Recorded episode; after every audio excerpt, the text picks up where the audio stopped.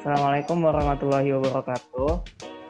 Uh, halo warga, halo warga Plano. Kali ini uh, bidang Medikom HMTP bakal ngadain podcast bareng komunitas.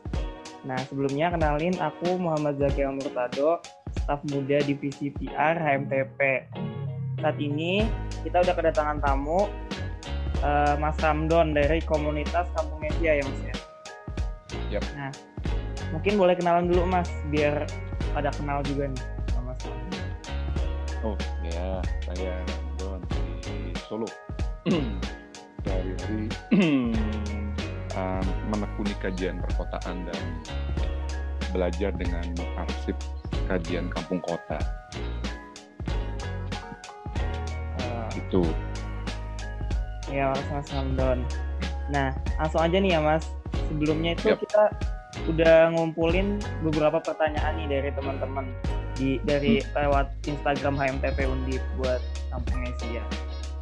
Yap. Nah, ini pertanyaan pertama, gimana sih Mas awal terbentuknya Kampung Asia ini Mas? Eh, sebenarnya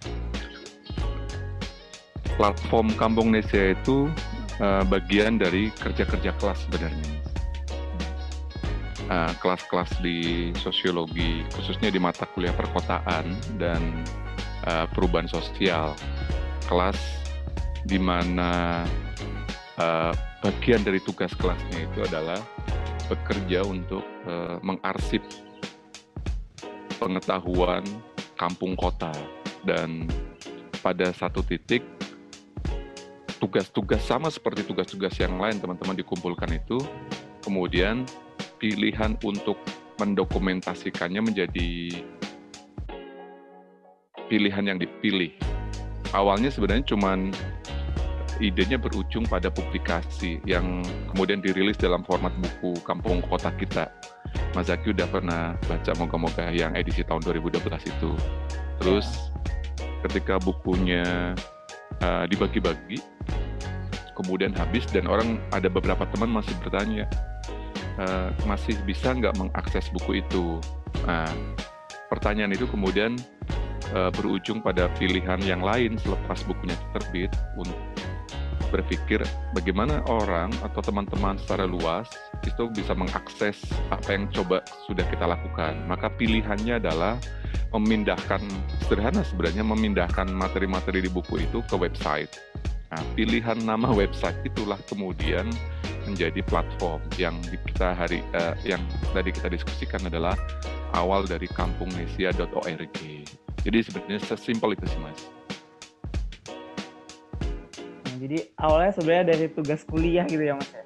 Tapi bisa Betul. jadi platform gitu. Banget. Betul betul. Nah terus jadi sekarang tuh kegiatan Kampung Asia itu ngapain aja? secara prinsip eh, ia eh, ada dengan basis tugas kelas. Jadi se- karena se- karena sejak eh, kelas itu kelas-kelas di kampus kan reguler ada ya dari bulan Agustus sampai sekitar Januari itu kelas perkotaan. Kemudian teman-teman libur di bulan Januari Februari, kemudian masuk lagi di bulan semester apa namanya genap dari Februari sampai ke Juli. Nah, kerja-kerja kelas perkotaan dan lanjut ke perubahan sosial itu yang mungkin 6-7 tahun terakhir itu yang kemudian menjadi basis kerja kelas-kelas Kampung Nesia.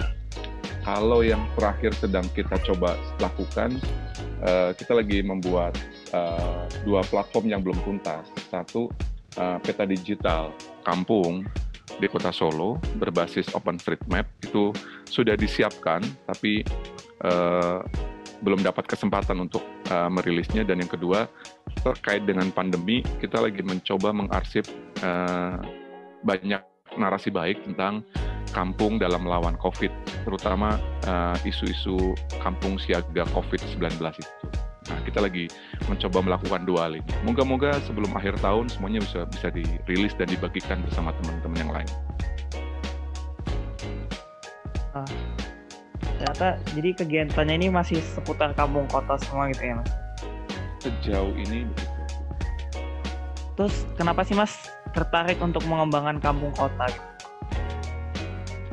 uh, uh, sesimpel sebenarnya sebenarnya simpel untuk mengatakan begini.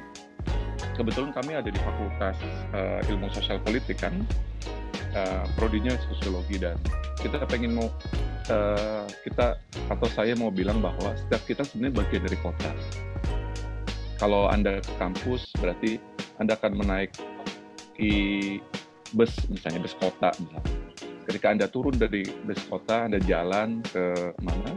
Dari tengah kota ke dalam kampus, anda akan lewat trotoar anda akan melihat uh, di sekitar kanan kiri Anda adalah uh, para pedagang, teman-teman uh, apa yang bekerja pada sektor informal. Fragmen dari ketika kita dari kos naik naik bus atau naik uh, ojek online ke kampus, jalan dan seterusnya sebenarnya uh, menegaskan sebuah fragmen keseharian kita sebagai warga kota. Pertanyaannya simpel kemudian. Pertanyaan sederhananya, muncul selepas itu apa pertanyaan tentang apa hak kita di bus itu misalnya apa hak kita di ketika jalan menuju kampus misalnya apa atau hak teman-teman kita yang berdagang di pinggir jalan? Jawabannya kemudian kalau mau dibaca secara politik kalau kami di Fakultas Ilmu Sosial Politik ya sederhana hak kita adalah memperjuangkan transportasi yang baik buat kita ketika naik ke kampus kan? Hak kita ketika jalan juga men, hak untuk mendapatkan apa namanya pedestrian yang aman misalnya.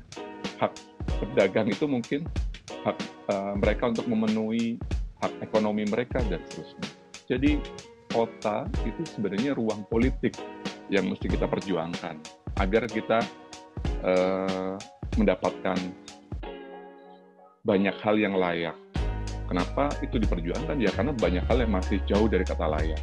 Dan itu yang kita perjuangkan. Dan apa hubungannya dengan kampung? Ya balik sebelum kita berangkat naik bis ya sebenarnya kita semuanya ada tinggal di kampung-kampung, di kos-kosan, di apa namanya, di sekitar-sekitar kota, gimana kita setiap hari ada di situ, apa, berinteraksi dengan tetangga, uh, menjemur baju, uh, membuang limbah dan seterusnya. Dan kampung kita juga berhak untuk layak sebagaimana tempat kita tinggal. Jadi memproduksi pengetahuan di kelas-kelas kita sebenarnya pengen merespon menjadi bagian dari upaya memenuhi hak kita atas kota. Karena kita bisa, karena kita menurut saya, menurut saya pribadi, karena kita harus menuntut hak kita atas kota sebenarnya dan hak kota yang layak untuk kita huni dan itu perjuangan yang harus kita lakukan. Menarik. Jadi apa namanya uh, kota itu kampung kota itu adalah bagian dari kehidupan kita sehari-hari yang harus diperjuangkan gitu ya mas. Ya. Nah sejauh ini kampung kota mana aja sih mas yang udah uh, dikembangin sama kampung Nesia atau yang udah hmm. jadi wilayahnya kampung Nesia nih? Uh, sejauh tadi yang kita diskusikan di awal karena ini basisnya adalah uh, kerja-kerja kelas maka kerja yang kita lakukan untuk pendokumentasian kampung kota tentu tidak boleh jauh dari kampus kan? Karena teman-teman juga punya beban mata kuliah yang lain. Jadi basis kerja kelasnya adalah uh, kerja-kerja di sekitar kota Solo misalnya sebagai sebuah teritori untuk diarsipkan sehingga teman-teman bisa lebih rileks untuk bermain apa uh, 10 menit 15 menit jalan dari kampus dengan kendaraan itu terjangkau sehingga memungkinkan intensitas memungkinkan uh, interaksi yang intim antara dengan proses belajar yang ada dan seterusnya bahwa kemudian uh, sekian tahun terakhir ketika uh, proses kerja kelas ini bisa berkembang, berkembang dengan dua cara misalnya. Yang satu, yang satu, cara adalah ketika teman-teman sudah memasuki semester lanjut misalnya, itu uh, pilihan untuk menuntaskan studi lanjut dengan tugas akhir uh, skripsi misalnya itu menjadi opsi baru ketika kemudian kita bisa melakukan kajian-kajian kampung di banyak kota lebih luas. Anak yang dari Jakarta misalnya tiba-tiba pengen menulis skripsi tentang isu perkotaan di Jakarta misalnya, maka pada saat bersamaan kita sedang otomatis sedang mengembangkan kajian baru di kota lain dengan basis riset tugas akhir. Itu yang pertama. Atau yang kedua, uh, itu yang sudah kita rintis uh, di dua tahunan, yaitu Serawung Kampung Kota. Ketika kerja kelasnya sudah kita susun sedemikian rupa, kita taruh di website, kita taruh di buku, kita cetak, kita bagikan, terus kita mikir kayaknya dan kita percaya yang melakukan ini bukan cuma kita, ada banyak teman yang concern. Itu kenapa kemudian event Serawung Kampung Kota adalah event untuk mengundang teman-teman berbagi, berjejaring sekaligus memulai uh, pola untuk ber, apa, berbagi pengetahuan satu sama lain. Maka kalau uh, edisi sebelumnya kami membuat buku Serawung Kampung Kota itu hasil uh, event obrolan di uh, tahun 2016 misalnya. Nanti tahun ini uh, kita kami akan berilis Sarawung Kampung Kota yang kedua. Sekian kampung kami kompilasi, kami terbitkan karena kami percaya bahwa pengetahuan itu modal perubahan. Silakannya hari ini banyak perubahan tanpa pengetahuan dan itu membahayakan. Itu, Mas. Jadi udah mulai berkembang nih ya mas. Nggak cuma di kota Solo sendiri tapi juga udah mulai ke luar gitu lewat uh, Sarawak Kampung Kota ini gitu. Intinya berjejaring saja berkembang nggak juga. Ya nggak oh, iya. berkembang. Iya. berjejaring uh, tambah teman. Ah iya. Mas Yaki sekarang jadi teman baru kan? Makin luas gitu ya mas jaringannya jadi. Ya, ya. Uh, terus uh, eksistensi kamu kota sendiri itu seberapa penting sih mas bagi suatu kota itu? Posisinya bagi suatu kota itu gimana? Uh, ya ini pertanyaan paling uh, fundamental menurut saya. Pertanyaan yang uh, menjadi awal kenapa kemudian uh, kajian, kajian atau kerja-kerja ini dilakukan. Setidaknya jawabannya kalau mau ditarik kalau kami tinggal di Solo maka kami kita percaya bahwa uh, sejarah kota dalam konteks uh, perspektif sosiologi itu dan sejarah kalau mau tarik mundur ke belakang maka kota yang hari ini kita definisikan kota itu adalah sebuah ruang yang dulunya kampung. Jadi kampung secara epistemik dalam konteks tradisi, sejarah, dalam konteks kekuasaan tradisional itu e, memulakan definisi kota hari ini. Jadi kalau Solo misalnya kita mengenal dengan e, apa babat Solo misalnya. Jadi e, gimana seorang e, apa namanya sesepuh tinggal di sebuah sebuah tanah perdikan yang kemudian memulakan sebuah kota. Begitu juga ketika kekuasaan tradisi dimulai, dikelola dengan kita mengenai dengan sejarah keraton, entah Solo, entah Jogja dan seterusnya, maka kampung itu menjadi penyangga kekuasaan-kekuasaan tradisional. Oh, eh, keraton sebagai sumbu keku, apa, kekuasaan dan kekuasaan ini ditopang secara fungsi, secara kultural oleh kampung-kampung. Maka eh, bisa menemukan kampung-kampung tradisional dalam kota beberapa kota, tidak semua kota menurut saya, tapi kampung-kampung tradisional yang kemudian dia berfungsi menyangga keberada eksistensi keberadaan keraton dalam konteks Solo dan Jogja. Sekian ratus tahun kemudian, eksistensi keraton ini kemudian ada yang berubah, ada yang tetap. Dan pada akhirnya hari ini kita mewarisi ruang-ruang ini menjadi kota secara administratif oleh pemerintah uh, eh, NKRI. Tapi sebelum itu, sebelum sebelum uh, sebelum eksistensi NKRI ini ada, maka ruang-ruang sosial itu kemudian uh, didefinisikan sebagai otoritas kecil yang yang kemudian kita kenal dengan kampung maka kita paham bahwa kampung itu tumbuh, bergerak, berubah, ber, dan mengakumulasikan diri dalam ruang-ruang kota yang disebut dengan administratif kota-kota modern hari ini. Semarang mungkin menjadi sebuah uh, apa sebuah kasus yang berbeda. Semarang sebagai kota kemudian dibentuk oleh sejarah uh, kolonial yang sangat eks, uh, ekspansif. Kita menemukan jejaknya sangat hebat di apa kota lama misalnya, gitu kan? Begitu pula Surabaya.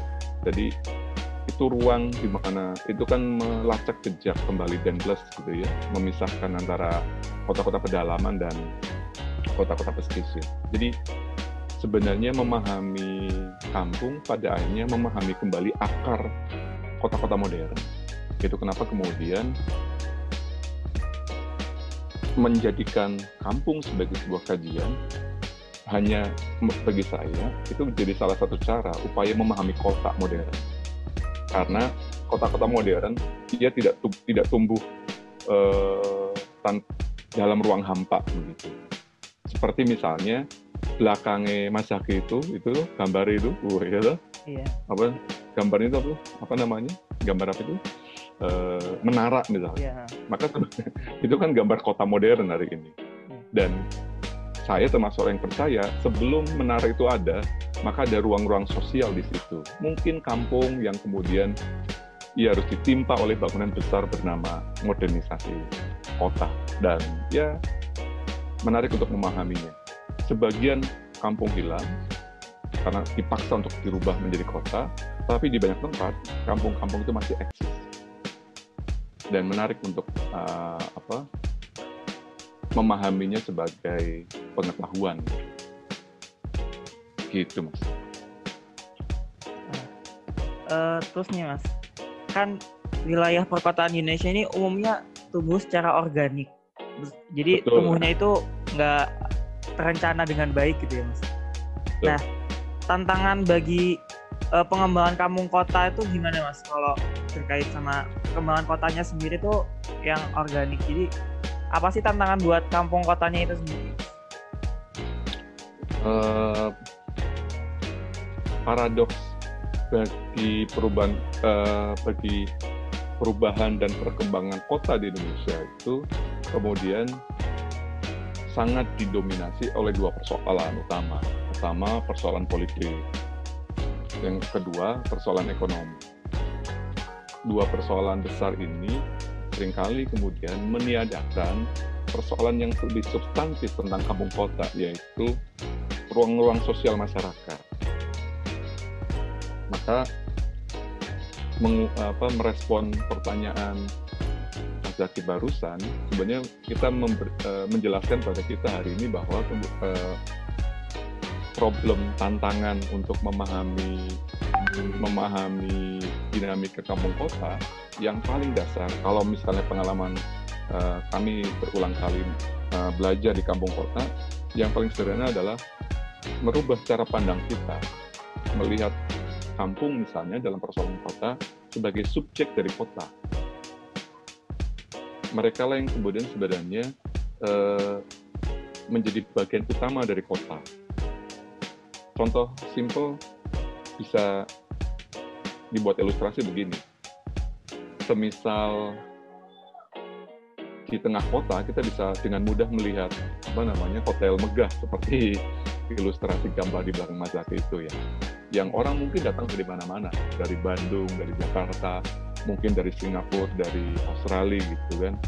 Yang kemudian mereka akan uh, duduk dalam sebuah eh, event-event uh, tertentu dan dalam durasi yang juga tidak begitu panjang, 2-3 hari misalnya.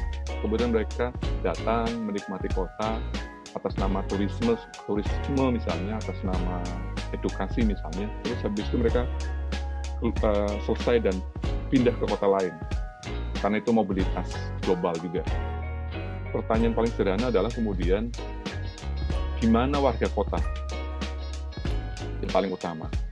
Kalau menurut hemat saya dan teman-teman uh, warga kota itu ya sebenarnya bukan di gedung yang tinggi ini sebenarnya. Dia selalu saja berada di mungkin di belakang uh, gedung tinggi itu. Uh, kita dengan mudah naik uh, melihat itu dengan wajah kampung misalnya.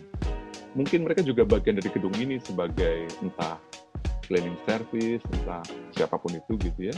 Dan kemudian uh, mereka menjadi uh, bagian dari bagian kecil dari sebuah kota yang uh, tadi diekstraksi oleh sebuah kebutuhan kapital yang sangat besar. Jadi tantangan terbesar kota misalnya uh, tantangan terbesar kampung kota hari ini kemudian seperti diametral Ke, jadi kota dipaksakan tumbuh tapi pada saat bersamaan dalam banyak kasus dia meniadakan kampung ke depan menurut saya kita butuh uh, uh, cara berpikir kita butuh tantangan teman-teman perencana misalnya membayangkan bagaimana kemudian eh, kota dan kampung itu tidak harus dihadap-hadapkan dalam sebuah relasi yang diametral, tapi dalam sebuah skema yang lebih eh, organik tadi.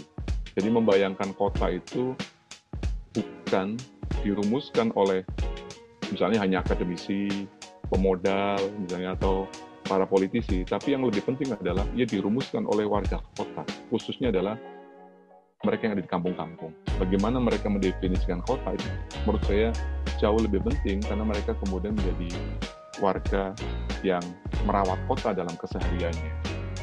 Jadi tantangan terbesarnya dalam konteks misalnya teman-teman di Plano ya cara pandang untuk memastikan perencanaan itu menghadirkan warga kampung dalam konteks subjek. Karena sering kali di banyak kota hari itu tidak terjadi. Dan saya pikir ini tugas kita semuanya. Iya, benar banget ya mas. Ya sekarang tuh realitanya kampung kota sama sama kotanya sendiri tuh kayak dua hal yang terpisah gitu. Seolah-olah uh, kampung kota itu bukan bagian dari kotanya. Banyak terjadi seperti itu ya mas. Betul. Nah, terus nih mas, kira sebenarnya keberadaan kampung kota sendiri itu tuh uh, sudah terencana atau belum sih mas? Maksudnya uh, terbentuknya kampung kota itu uh, kayak sekarang kita kan mengenal uh, dua kota itu direncanakan gitu ya. Kalau kampung kota sendiri tuh sebenarnya dulu awalnya itu kira-kira apakah langsung terbentuk begitu? Jadi kampung atau uh, secara organik gitu aja tumbuh? Atau sebenarnya kampung kota itu juga menjadi satu hal yang emang udah direncanakan gitu.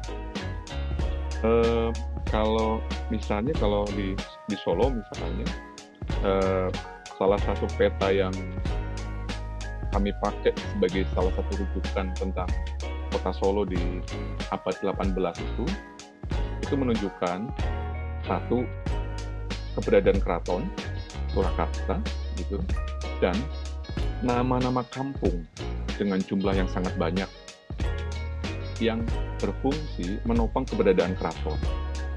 Kalau misalnya kalau misalnya sering sering dengan mudah kita bisa mengenal oh keraton ada dalam sebuah lingkup kampung. Hari ini kita mengenalnya dengan Baluarti misalnya.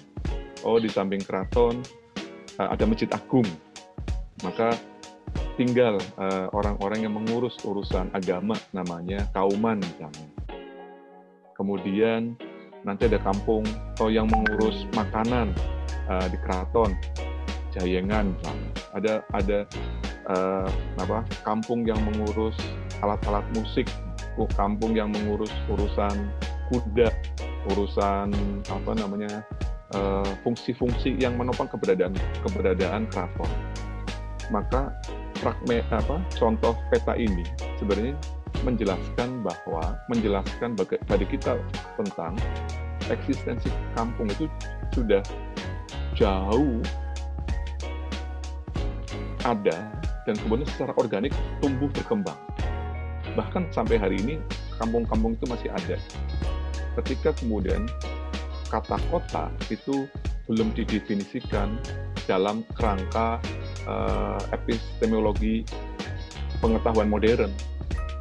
Jadi kampung itu sudah menjadi sebuah uh, definisi sendiri.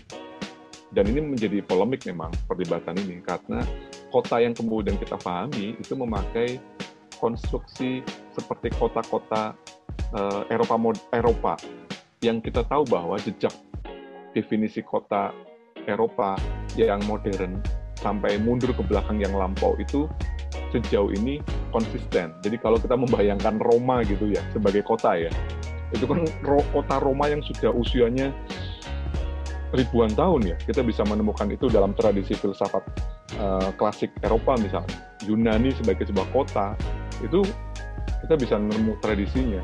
Mesir uh, apa namanya? Kairo misalnya. Itu Mekah misalnya sebagai sebuah apa?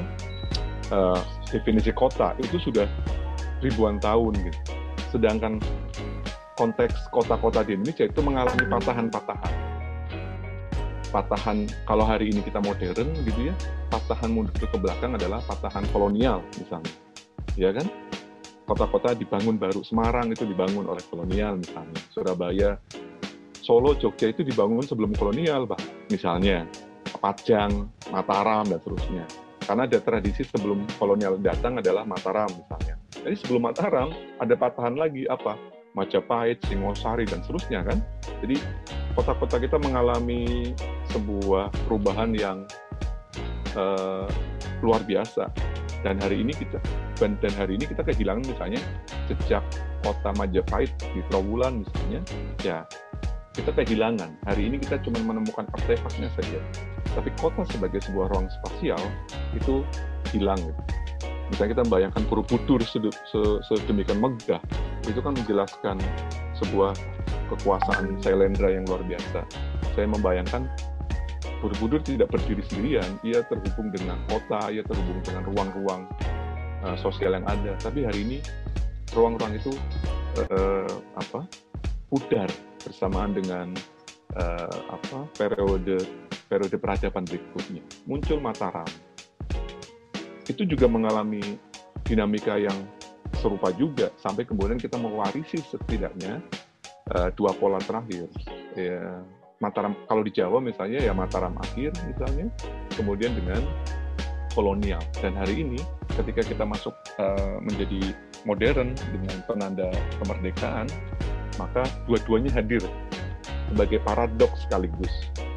Pengen modern, tapi pengen juga tradisional gitu kan. Oh pengennya kampusnya kayak kampus sih. Kotane uh, modern gitu high tech macam-macam smart city gitu kan tapi ya harus tetap harus ada sekaten gitu mas ya. Tetap orang harus merebut uh, apa namanya kalau di Solo ada satu suro orang harus berebut uh, kotoran Mbah Kiai sebagai bagian dari ritual misalnya. Jadi paradoks ini kemudian muncul bersamaan dan kemudian memberi kita uh, ruang untuk memahami kota lebih bijak menurut saya termasuk teman-teman di Plano misalnya. Jadi perspektif sejarah ini menurut saya sangat apa ya, sangat menarik dan fundamental untuk kita pahami. Apalagi sebagai uh, apalagi teman-teman uh, bergelut sebagai planner misalnya, gitu. Terus mas, berkaitan sama sekarang ada wabah COVID-19 ini, peluang sama tantangan kampung kota itu gimana sih mas? berhadapan sama COVID-19 sekarang? Wah ini